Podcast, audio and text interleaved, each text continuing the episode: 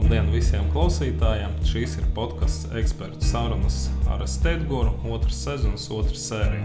Šodien mūsu viesis ir Auseklis Sarkans, Starlaks investment partneris, meistarklāšu par investīcijām nekustamajos īpašumos vadītājs un RTU maģistratūras pasniedzējs. Un Ausaka šodien vēlētos ar tevi parunāt par investīcijām nekustamajos īpašumos, biežāk pieļautām kļūdām, uzsakot projektus un taviem ieteikumiem, kā no tiem izvairīties.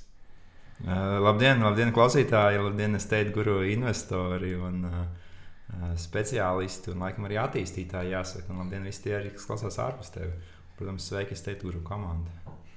Labdien! Un tad varbūt sāksim ar uh, pašu sākumu ar uh, objektu meklēšanu. Kāda, tavuprāt, ir efektīvākas metodas objektu meklēšanai, to izvērtēšanai?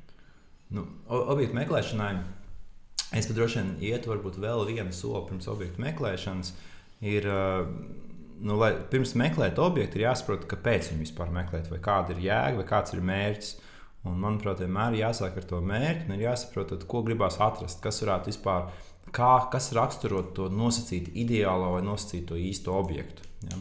Jo precīzāk tiek atlasīti tie kriteriji, uh, kas tad būs tas īstais objekts, jo tev būs vieglāk pēc tam tirgu iet un meklēt to objektu. Uh, nu, tām stratēģijām uzreiz ir jāsaprot, vai tu gribi gatavu objektu. Vienalga, tas būtu dzīvoklis, uh, komercīpašums vai namīpašums, bet nu, gatavs nozīmē izremontēts vai nu, dažādos līmeņos, izremontēts mazāk, vairāk. Uh, iz, izīrēts, iznomāts, varbūt un tam līdzīgi. Ja? Un arī, protams, labi vieta, lai paliek atsevišķam stāstam. Vai otrs, ka tu gribi tieši negatīvu. Un tās uzreiz būs divas dažādas stratēģijas. Vai tu gribi īstenībā būt attīstītājs, un attīstītājs nozīmē, ka tu ņemsi kaut ko negatīvu un uztaisīsi gatavāku. Vai tu gribi būt kā investors, un investors parasti var pirkt ļoti gatavu objektu. Nu, tur pasīvs mazliet darbs ir. Nu, protams, vieta. Kad to visu kā, apmēram var saprast, un kaut kāda ir salikta tāda, tā kā, ok, ko darīt, ko darīt, ko darīt, vai ko meklēt drīzāk, tad es eh, vienmēr saku, tad nākamais solis ir. Nu, ir jāvar ar visām varītēm atrast visus objektus tirgu. Ir jādabū un principā jāredz viss tirgus. Ir. Un skaidrs, ka viens virziens, ko iet un darīt, ir klasiski tur sludinājuma portāli, tur SS, kas joprojām ir viens no lielākajiem, būsim godīgi ar visu, kas nu notiek un nenotiek, vai CD24 vai Inšalvē, kas, protams, ir tagad uzlācošā nosacīta, varbūt zvaigzne tajā uh, tirgu. Tas ir tas, viens, ko darīt. Otrs, ko noteikti ir vērts darīt, ir uh, nu, vai pie viena vai pie vairākām aģentūrām noteikti vērsties. Jo nav noslēpums, ka aģentūras uh, visus objektus neliks sludinājuma portālos. Sludinājuma portāls ir jāmaksā kā viens punkts. Uh, otrs punkts tur parasti ir kaut kādas uh, kvotas vai ierobežojums, cik tu kā aģentūra var ielikt. Un tad parasti ir tā, ka aģentūras tos objektus, kas ir uh, likvidākie, kas ir ejošākie, ieliek, un tos, kas ir mazāk likvidi, mazāk ejoši, neieliek. Kā likums, tie, kas ir mazāk likvidi, mazāk ejoši, kas nav ielikti, respektīvi, sludinājuma portālos, ka tur varbūt tās potenciāls iespējams pat ir lielāks. Tur ir interesantāki objekti, ir tādi, nu, tādi varbūt ne vidējiem pircējiem, bet tādam specifiskam investoram attīstām ļoti labi darošiem. Nu, un trešais, protams, variants ir vienkārši pašam aktīvi meklēt. Un, tad trešais variants ir dažādi. Paskatīties, mēs lapiņus vai meklēt īpašniekus. Es nezinu, var meklēt, ir Rīgas graustu tāda lapa grausta Rīgā LV, kur meklēt, kuras mājas ir nolaistas un kur ir brīdinājumi. Nu, tā, kā, tā jau ir tāda, kā tāda. Vai tur meklēt, vismaz šobrīd, varbūt nezinu, var meklēt kaut kāds attīstītājs, kas dēļ izmaiņām varbūt ir uzlikuši projektu uz pauzes un tad nolēma attiecīgi projektu kā saka, exitot, nepabeigt, tad kāds var pārņemt to projektu kādā stadijā. Nu, tā, tā droši vien skatos, bet, bet galvenais, ja tu zini, ko tu meklē, tad pēc tam aplūkot visu tirgu, cik vien plaši var. No tavas pieredzes, tu saki, ka aģentiem ir arī objekti, kas var nebūt sludinājumos, var nebūt tirgu. Kāds to objektu varētu būt īpatsvars no tavas pieredzes, kas teiksim, nav pieejami lielākajos sludinājumu portālos? Nu, labs, labs, labs, labs jautājums. Uh, nu, es, es varu vairāk no, no mūsu uzņēmuma pateikt, uh, pieredzes, uh, nu, bet šeit, protams, vairāk par tādiem investīciju attīstības projektiem uh, runājot. Nu, mums ir tā, ka um, tie objekti sadalās, es droši vien teiktu, trijās lielās grupās. Uh, vai tās ir trīs trešdaļas, varbūt pat apmēram, vai nu, kaut kur uz to pusi. Uh, viena trešdaļa objektu ir klasiski objekti, kuri gan mājaslapā, gan sludinājuma portālos. Ejoši objekti, labi objekti, pie tam, kur īpašnieks piekrīt, ka viņi ir sludinājuma portālos. Jo reizēm īpašniekam nepiekrīt īpaši dārgākiem objektiem. Otrs līmenis ir tie objekti, kas mums tikai mājaslapā ir. Uh, parasti vienkārši tādi, varbūt, kuriem neapmaksājas mazliet sludinājuma maksa, vai kas ir mazāk likvīdi, vai kuriem cena varbūt ir paaugstināta, nu, dažādi aspekti. Un trešā lielā grupa īstenībā mums ir pietiekoši daudz objektu, kurus mēs nekur nereklamējam, kas mums ir saucamie. Nu, dažādi vārdi, kā viņus sauc. Angļuiski viņus sauc zemlētas, tas būtu tulkot latvijas, tas nav varbūt īstais vārds. Bet, uh, privāti objekti, uh, kurus mēs tikai nosūtām, ka mēs esam verificējuši to otru pusi, to interesantu, lai saglabātu gan kaut kādu ziņu konfidencialitāti, gan arī tīri, nu, lai to objektu, kā, uh, nu, kā reizēm īpaši objektāri nomnieki vai īrnieki, ja tu viņu tā baigi skaļi reklamē, tā, tad tas var radīt kaut kādu kā, satraukumu tajos nomniekos, īrniekos, un reizēm to objektu var nu, padarīt sliktāku tam esošam īpašniekam. Un, nu, tāds, tad, nu, lai iet varbūt pa trešdaļām. Nu, tad nevar vienkārši aprobežoties ar sludinājumu portāliem. Tomēr jātiekas ar aģentiem, jāskatās tieši pašu aģentu mājaslapas un jārunā ar cilvēkiem. Labi, bet uz kādiem kritērijiem jāpievērš uzmanība, varbūt kaut kādi visbiežākie red flags. Mm, nu, viens red flags īstenībā, par ko jau mēs runājam pirms. Uh, pirms, eh, pirms podkāstā mazliet eh, par, par to pašu paņemt, to pašu tērbuļs iela 75, kur ir eh, valsts nekustamo īpašumu izsoli. Īstenībā labs objekts, ļoti laba cena. Tur liekas, bija 1 200 apmēram sākuma cena, kas ir kaut kāda 250 eiro kvadrātmetrā, kas, protams, priekš centra īpašumu ir aizdomīgi zema cena, lai neteiktu to savādāk. Un tad, protams, nu, klasiskais teiciens, visur, kur ir nu, viss, kas ir šķietam pārāk labs, lai būtu patiesība, tad visticamāk arī ir tikai šķietam pārāk labs, lai būtu patiesība. Un te ir tas pats stāsts. Nu, kad, kāpēc tā cena ir tāda? Nu, tāpēc, ka tam īpašumam kaut kas nav kārtībā. Ja? Un tad jāmeklē, kas ir tas, kas nav kārtībā. Un tajā gadījumā tur bija vairākas lietas. Tur ir jocīgi plānojumi, kurus ir grūti pielāgot, ja tur ir bijusi biblioteka un kāds liekas, darījums, kā pašvaldības iestādes. Grūti pielāgot reālam, citam pielietotam mērķim ļoti augsti griezti, kas ir gan plus, gan mīnus. Jo augsti griezti ir plus, ir, tas rada varbūt tādu prestižu, bet tur ir 4-5 metri, kuros tad jāliek ir divi stāvi vai kaut kas tamlīdzīgs. Tas uzreiz var būt mīnus. Bet trešais galvenais tur ir lietošanas veids teritorija, publiskā teritorija. Publiskā teritorija gandrīz neko nevar tādu reāli attīstīt. Jā. Tur biroja māja nevar būt, dzīvokļi nevar būt, tur praktiski var būt. Man liekas, pašvaldības darījuma iestāde, varbūt bērnu skola, poliklinika, kaut kas tāds. Tagad tas ir vienkārši viens. Ir ir skatīties, no ko līdz tu jūti, ka kaut kas varbūt jāizdomīgi labi skatīties tos riskus. Viens liels tiešām ir jāšāds lietošanas veids, viens varbūt tīri tāda plānojuma vai arhitektoniskā puse. Noteikti cits ir arī, kas ir īpaši liels objekts, vērtējot, ir tīri būvniecības un tehniskās lietas. Jā, ideāli gadījumā, ja ir uh, tehniskais atzinums uh, vai vismaz kaut kāds novērtējums par būvniecības lietām, ko tā tikai vizuālais apsekojums, jā, bet kaut kam tādam būtu jābūt, jo tur arī bieži vien slēpjas kad varbūt vizuāli viss ir kārtībā, bet varbūt aizmugurē tur nezinu, starpstāvu pārsteigumi ir galīgi beigti. Tas uzreiz ir milzīgs remonts.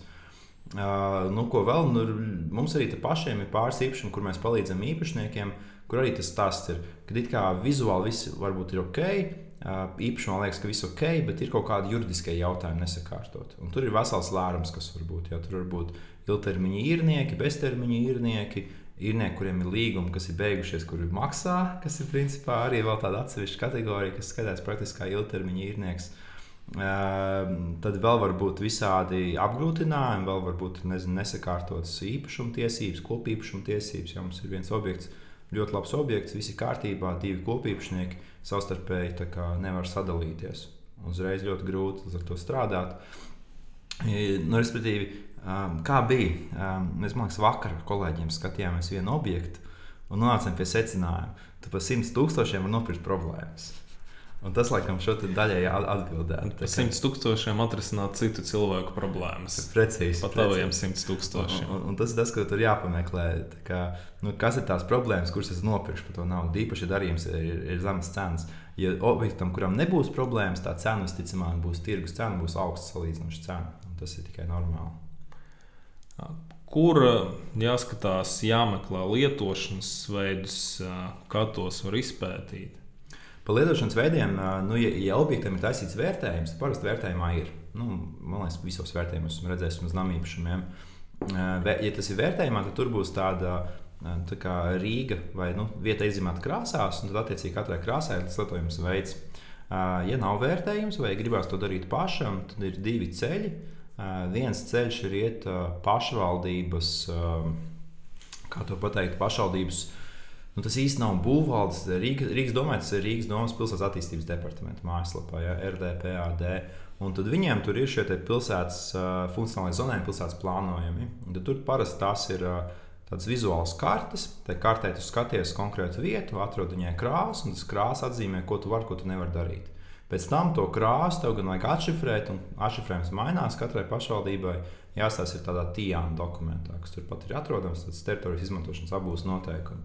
Un tas tikai ir viens veids, ko darīt. Otrs veids, ko var darīt, ir geolatvija.lv portāls, kur nu, vairāk vai mazāk viss tas ir.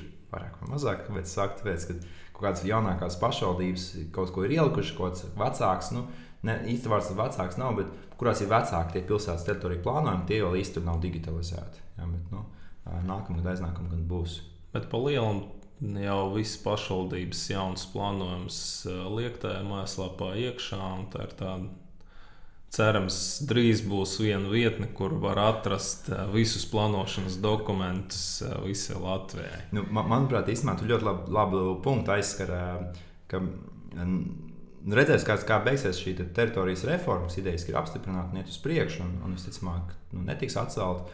Bet, ja, viņi, nu, ja viņi iet uz priekšu, kā viņi iet, tad tas, kas tur noteikti, tos, tos maina tās pašvaldības robežas. Kāda kļūst lielāka, kāda kļūst mazāka, bet pašlaik viss kļūst lielāks. Un, ko līdz manās pašvaldības robežas tā likums principā nosaka, kad ir jātaisa jauni visi šie plānošanas dokumenti. Un tad tur nākamo divu, trīs gadu laikā praktiski visās pašvaldībās viņi tiks taisīti jauni. Un, nu, tad būs jauni. Un tad visi jaunie būs droši vien tajā sistēmā. Tad uh, uzdošu tev uzreiz tādu diezgan grūtu jautājumu. Vai ir zināms, kad būs akceptēts jaunas Rīgas plānojums? Jo, piemēram, šodien ienākot pilsētas attīstības departamenta mājaslapā, tu jau nezini, ko skatīties. Aktuālu vai jaunu? Um, šis ir. Nu, jā.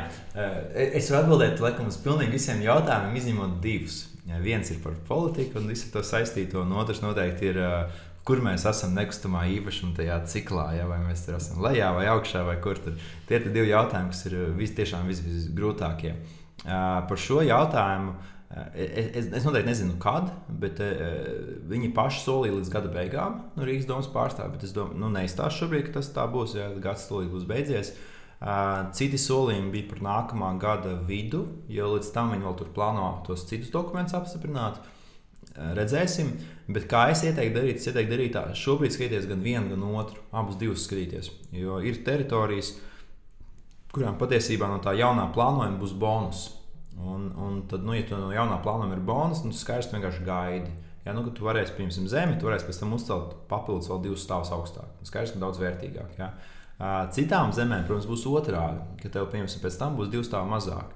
Ja tev ir tā situācija, vai šim nezinu, gabalam, klausītājiem ir tā situācija, tad, tad tas, kas jādara, nu, vēl var it kā mēģināt sasteigt projektu, skriet un nest, bet cik vismaz man zināms, nu, baigi grūti jau pēc tā vecā vairs saskaņot. Viņš principā ir jau nu, tāds pārējais kādā režīmā. Viņš ir nu, juridiski skatās pēc vecā, bet es domāju, ka tur nebūs tik viegli to projektu saskaņot pēc vecā vairs. Nu, varbūt vēl var paspēt. Bet, nu, varbūt vēl var tur... paspēt, jā. Un, uh Ir arī gadījumi, kad labākajā gadījumā tie ir mīnus 2 stāvi, bet ir gadījumi, kad ir mīnus 6 un mīnus vairāk stāvi. Vai jā, bet, zem bezvērtīgi. Jā, bet par nekustamā īpašumu tirgu cikliskumu varētu pateikt, ka finansijas stācijas mēs vienmēr esam tā cikla augšā. nu. Tad jā, varam parunāt arī par finansējumu. Kā tev liekas, tam pirmajam vai sākumā objektam, kādu labāku finansējumu skatīties, vai ir vērts pirmajam finansējumam piesaistīt banku aizdevumu vai alternatīvu aizdevumu. Nu, kā, finansējums tas ir plaša tēma. Kad es stāstu par objektiem, piemēram, kursantiem vai ar klientiem runāju, tad es parasti tā kā, nu, lieku tādus divus čupiņus. Uh, viena informācija ir par objektu, un otra ir par finansējumu. Ja? Un, un, bieži vien pats objekts. Nu, ir tā doma, jā, ka objekts ietekmē finansējumu. Parasti ir tā, ka objekts ir objekts, un finansējums patiesībā raksturo to cilvēku, kurš to dara. Vairāk nekā objekts, vismaz šī brīža tirgu. Ja? Finansējumu vairāk dos tam, kurš to darīs. Vai tas būs attīstītājs vai, vai investors vai, vai tā, tam līdzīgi. Uh, un, ja to saproti, tad no tā aiziet interesantas lietas. Uh, viena lieta, kas izriet, ir, ka uh, Uh, viens objekts var būt pievilcīgāks un mazāk pievilcīgs atkarībā no tā, kas viņam pērk, kāds viņam ir finansējums. Uh, otrs, kas uh, arī no tā izriet, kad atsevišķi objekti var vispār būt tikai atsevišķiem finansējuma veidiem, interesanti un neinteresanti. Um, ja iet pie tā finansējuma, nu, tad tur ir nu, jāsaprot, ka, kas ir tas, kurš to grib darīt. Nu, pārsvarā banka nefinansēs pirmā projekta attīstītāju. Ļoti, ļoti reti. Jā.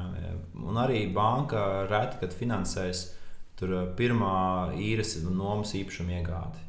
Ļoti, ļoti reti. Jā. Bankai tas prioritārais jautājums ir, kāpēc tieši tev dot vispār naudu? Kāpēc tieši tev dot naudu?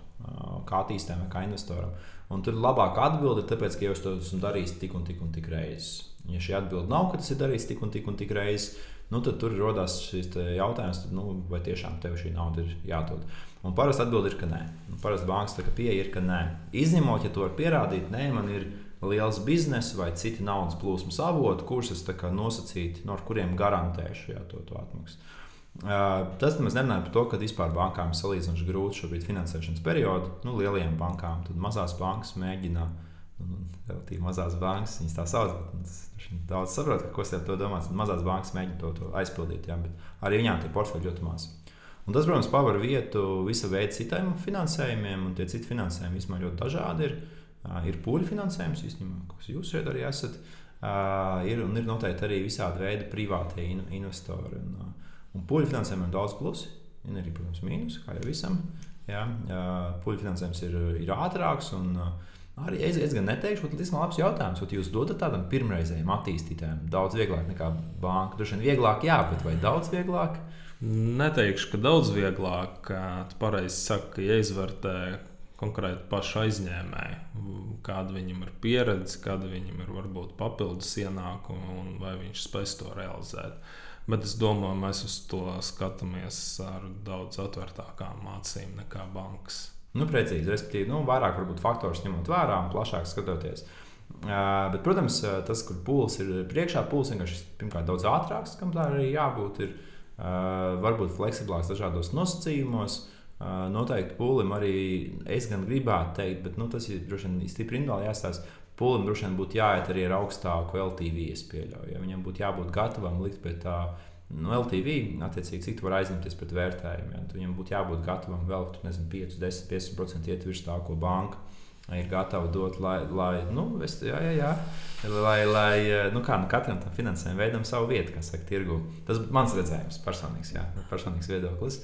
Un, un tā viņi tā saliekās, bet, bet noteikti arī ātrums. Jo ātrums ļoti daudziem objektiem, redz, ar banku strādāt, var aiziet mierīgi 2-3 mēnešus, lai tiktu līdz rezultātam, un tad rezultāts var būt arī nekāds beigās. Tirgu labu objektu negaida 2-3 mēnešus. Tirgu labu objektu iet Tāpat tas ir ļoti labs objekts, aizies pāris nedēļu vai mēnešu laikā. Arī liels objekts, ja tiešām labs objekts ir. Un, ja tu gribi labu uztaisīt projektu, tev vajag labu objektu dabūt. Un tur ātrums var nu, atšķirt to, kurš var un kurš nevar dabūt. Ja? Nu, tad, protams, pie renovācijas tur droši vien arī visādas daudzas nianses. Vienkārši ir ar banku ir grūtāk, jo ar banku parasti pilnīgi visas tāmas jāsaskaņo, viss jātaisa ļoti rūpīgi, ļoti detalizēti. Tas gan lēnāk, gan laikietilpīgāk, gan kādam nelielam attīstījumam var vienkārši būt arī dārgāk. Jā, nu, tu, tu nevari īsti tādu pēc saviem standartiem, tev jāstrādā nu, pēc tiem, tiem standartiem, kas ir vienādi ar lieliem spēlētājiem. Lielam spēlētājiem tas varbūt ir vienkārši viņam savs grāmatvedis un tam līdzīgi mazam tas tā nav. No tavas pieredzes, vai bankas šobrīd vispār finansē īres objektus? Ir, kur ir, bet maz, ļoti maz. Ļoti maz. Nu, protams, klasiskie spēlētāji vienmēr var dabūt kredītu. Tiem, kam jau ir liela portfeļa, tiem, kam jau ir salīdzinoši daudz, kas ir iestrādāts stāciņš, liels naudas plūsmas, tie var dabūt. Uh, pēc tam diezgan labus kredītus, vienalga vai uz īres vai, vai uz nomas objektiem. Jauniem ļoti grūti. Nu, tur ļoti grūti. Bet noteikti tam būtu jābūt. Jo uh, tas, ka īres dzīvokļi kā investīcija. Uh, īsti nav attīstīta, tieši dzīvokļu mājas. Tas ir Baltijas, es pat teiktu, paradoks. Jo Eiropā īres dzīvokļu māja ir klasisks investīciju veids, tāpat kā biroja māja. Cerams, tā situācija drīz mainīsies, jo nākamgad jau sola likumdošanas izmaiņas, kas uh, visu to procesu daudz atvieglos un tieši viss darbības ar īrniekiem. Jā, noteikti. noteikti. Redzēsim, kāda būs ietekme tirgu. Skaidrs, ka būs vairāk investoru tirgu un uh, lielāks pieprasījums pēc tiem objektiem. Bet arī cerams, ka bankām arī būs daudz vieglāk šādus īres objektus finansēt nekā šobrīd. Noteikti, noteikti. Nu, vēl, protams, ko var ņemt vērā, un īstenībā, kas vēl par to finansējumu pabeidzot, ļoti bieži jau arī ir tā, ka banka nedod finansējumu vienkārši šajā brīdī, ja, vai kā to pateikt, piemēram, reizēm banka arī finansē mazākiem attīstītājiem dzīvokļu renovācijas projekts, vai tā līdzīgi ar ko mēs, mēs pārsvarā dzīvokļu renovācijām strādājam. Nu, dzīvokļu māju renovāciju Uh, un tur, kur mēs attiecīgi tur klientus konsultējam, tad tur, tur ļoti bieži ir tā, ka tā bankas atbild ir, nu, ja jums būs 20-30% rezervācijas, tad mēs jums iedosim to kredītu. Lai tik līdz 20-30% rezervācijām, nu, tev, tu, tu nevari būt sākumā, tu nevari būt šodien nopirkt to māju. Tev ir jābūt vismaz nopirktai, jābūt kaut kādam projektam, vienalga renovācijas pārbūves, vienalga kādam, jābūt kaut kādiem darbiem pat izdarītiem, nu, tev jābūt tālāk. Ja? Un, un, un tur, uh, ļoti iespējams šāds pūlis var palīdzēt arī, ka vienkārši viņš savieno tos, tos divus dažādus laika periodus. Ja, kad vienkārši aizpild to sākotnējo laika periodu, kad īstenībā ir projektam augstāks risks, un īstenībā būsim godīgi, tas tā ir. Un pēc tam, kad ir šis rezervācijas risks samazinās, banka redz, ka oh, projekts tiešām ir ejošs, viņš tiešām aizies, viņš tiešām tiks realizēts, un tad var samazināt savu finansējumu izmaksas, pārfinansēties bankā. Nu, tad arī tāda stratēģija diezgan labi ir. Tu arī minēji, ka var meklēt uh, privātus investorus. Uh, kā tos meklēt? Um, nu, viens variants, protams, ir nākt. Standarta ceļi. Standarta ceļš nākt pie manis. Zvanīt, rakstīt man. Ja, protams, es, es viņus esmu sev apkopojis. Man ir tāds, gan kas nākuši pie manis mācīties, gan vispār, protams, mums uzņēmās. Tad, nu, ne jau tikai man, bet arī kolēģiem. Tāds diezgan liels jau pulks ir izveidojies. Bet tas ir vairāk tāds, nu, tā kā vienalga, īstenībā ejot droši vien pie jums uz teidu, kur var atnākt, jūs varat palīdzēt ar kontaktiem, noteikti arī ārpus finansējuma un, un, un tāpat arī pie citiem. Bet, bet, ja to noliek nost un domāt, ka kaut šodien es gribu kaut ko izdarīt, jāņem vērā, ka tur tas pats stāsts arī, arī tas investors tādam, kurš nekad neko nav attīstījis, visticamāk, naudu nedos. Nu, tas tā kā, tāpat kā biznesā. Un, uh, ja tu vari parādīt portfolio, tad naudu varētu mēģināt dabūt. Un to pirmo naudu, ja tev nekas nav realizēts, tad visticamāk vari dabūt tikai no angļuiski 3F. Būsim godīgi, jā, tas ir eh, ģimene, draugi un es pat nezinu, nu, trešie cilvēki, kas varbūt īsti neskaita naudu, sauksim viņus tā. Uh, un tā, tā bieži vien ir, ja tev nav pieredze. Ja tev ir pieredze, tad tu vari dabūt klasiskāku investoru.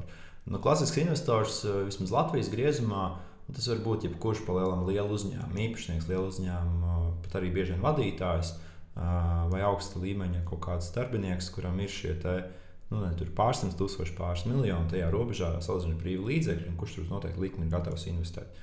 Tas gan parasti nebūs maz. Tas ir noteikti dārgākā pūļu finansējums parasti. Jā, lai, lai uzreiz, nu, protams, dažādi puļu finansējumi. Arī Latvijā ir ļoti dārgi puļu finansējumi. Tad noteikti dārgāks par tiem lētākiem puļu finansējumiem. Tas būtu precīzi teikts.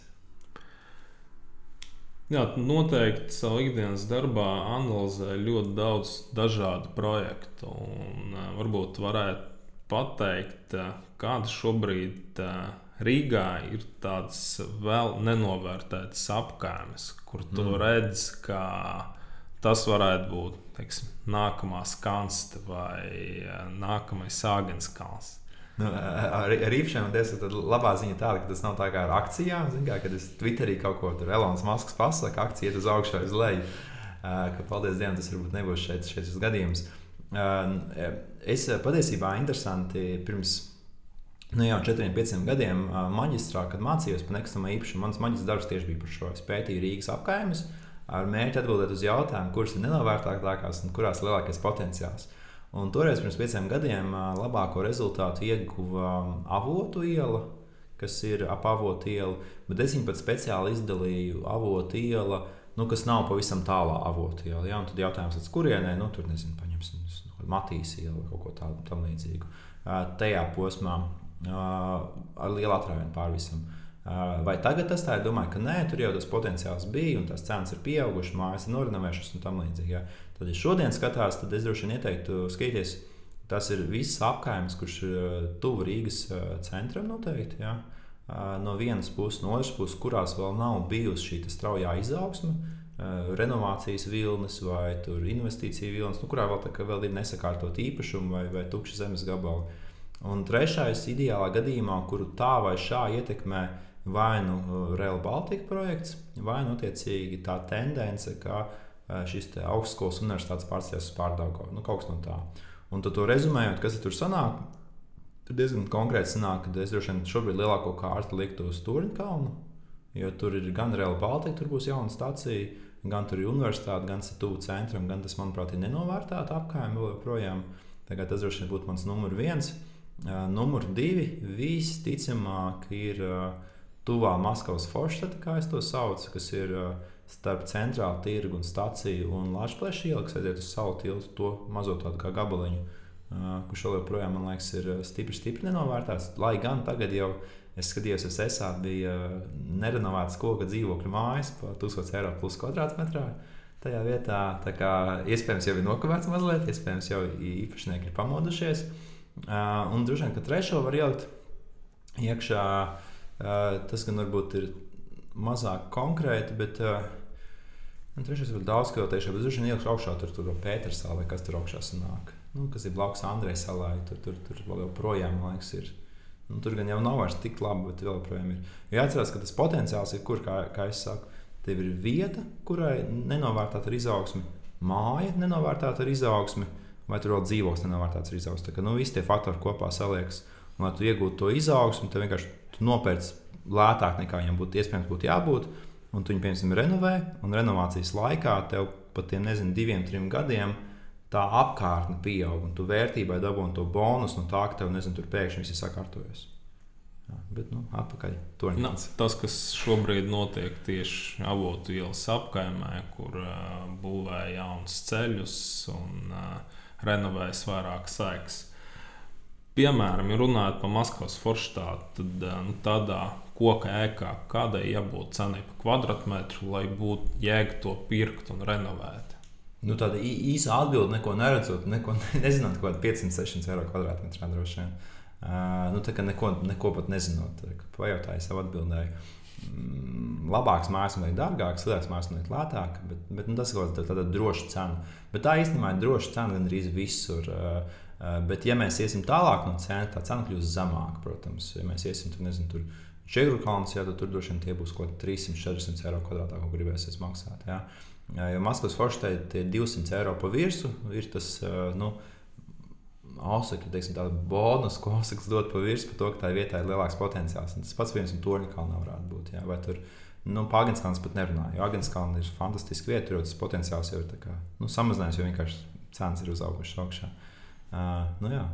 Bet es tam tā, tā baigi neko daudz nerēķinot. Ņemot vērā, ka tu pasniedz arī RTU un tev ir savas meistarklases, varbūt varētu pastāstīt, kādas vispār tirgu ir iespējas apmācībām par mm. investīcijām nekustamajos īpašumos.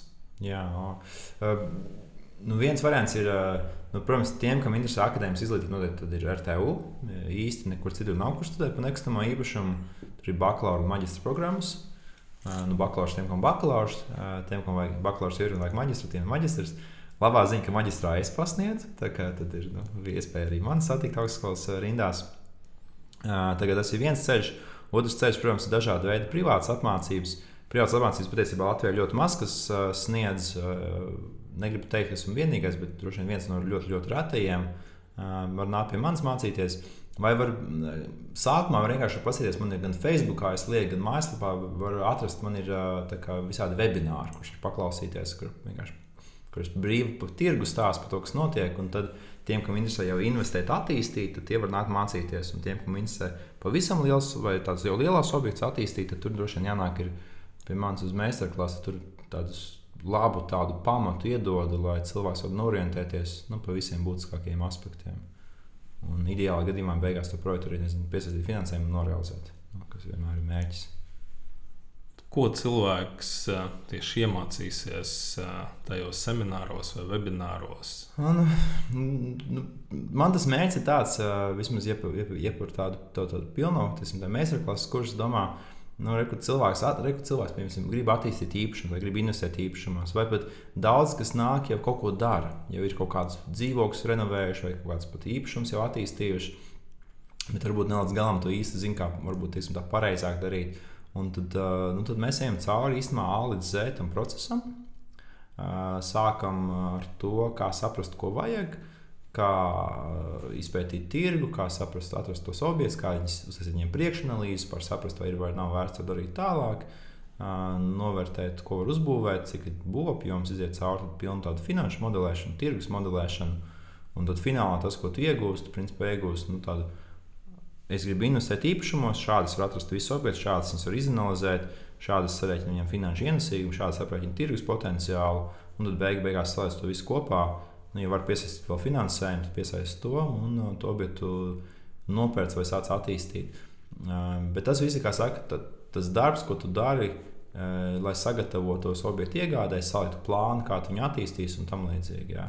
Pēc tam jau ir darīšanas jautājums. Tad, nu, vai tu tiešām to dari vai nedari? Vai tu pirksi to objektu attīstīs vai nepirksi? Nu, tur droši vien vēl daudz lietas, ir, kuras diezgan liela. Tur simts un viena vēl nianses, vai tūkstoš un viena vēl nianses.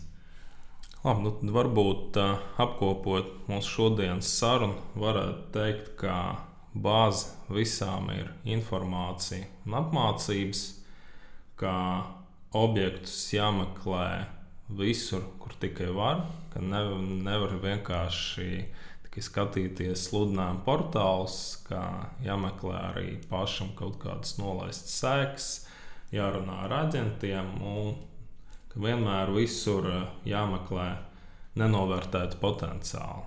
Jā, viennozīmīgi. viennozīmīgi. Varbūt, ja tu kaut ko vēlētos pateikt mūsu klausītājiem. klausītājiem, nu, es, es viennozīmīgi vienkārši varu iedrošināt drīzāk vispārīgi. Um, nu, kā es pats saku, jebkura situācija tirgu ir laba, lai darītu Droši vien trīs lietas. Viena lieta ir pelnīt, otra lieta ir iekrāt, un trešā lieta ir investēt. Un arī šī ir izcila situācija dzīvē. Vai tirgu, kad ir jāpelnā, ir jāiekrā un jāinvestē. Vai tas ir nezinu, pie jums pūlī investējot, vai tur pašam domāt, attīstot, pērkot īpašumus un tam līdzīgi. Un īpašums, manuprāt, ir ļoti laba investīcija.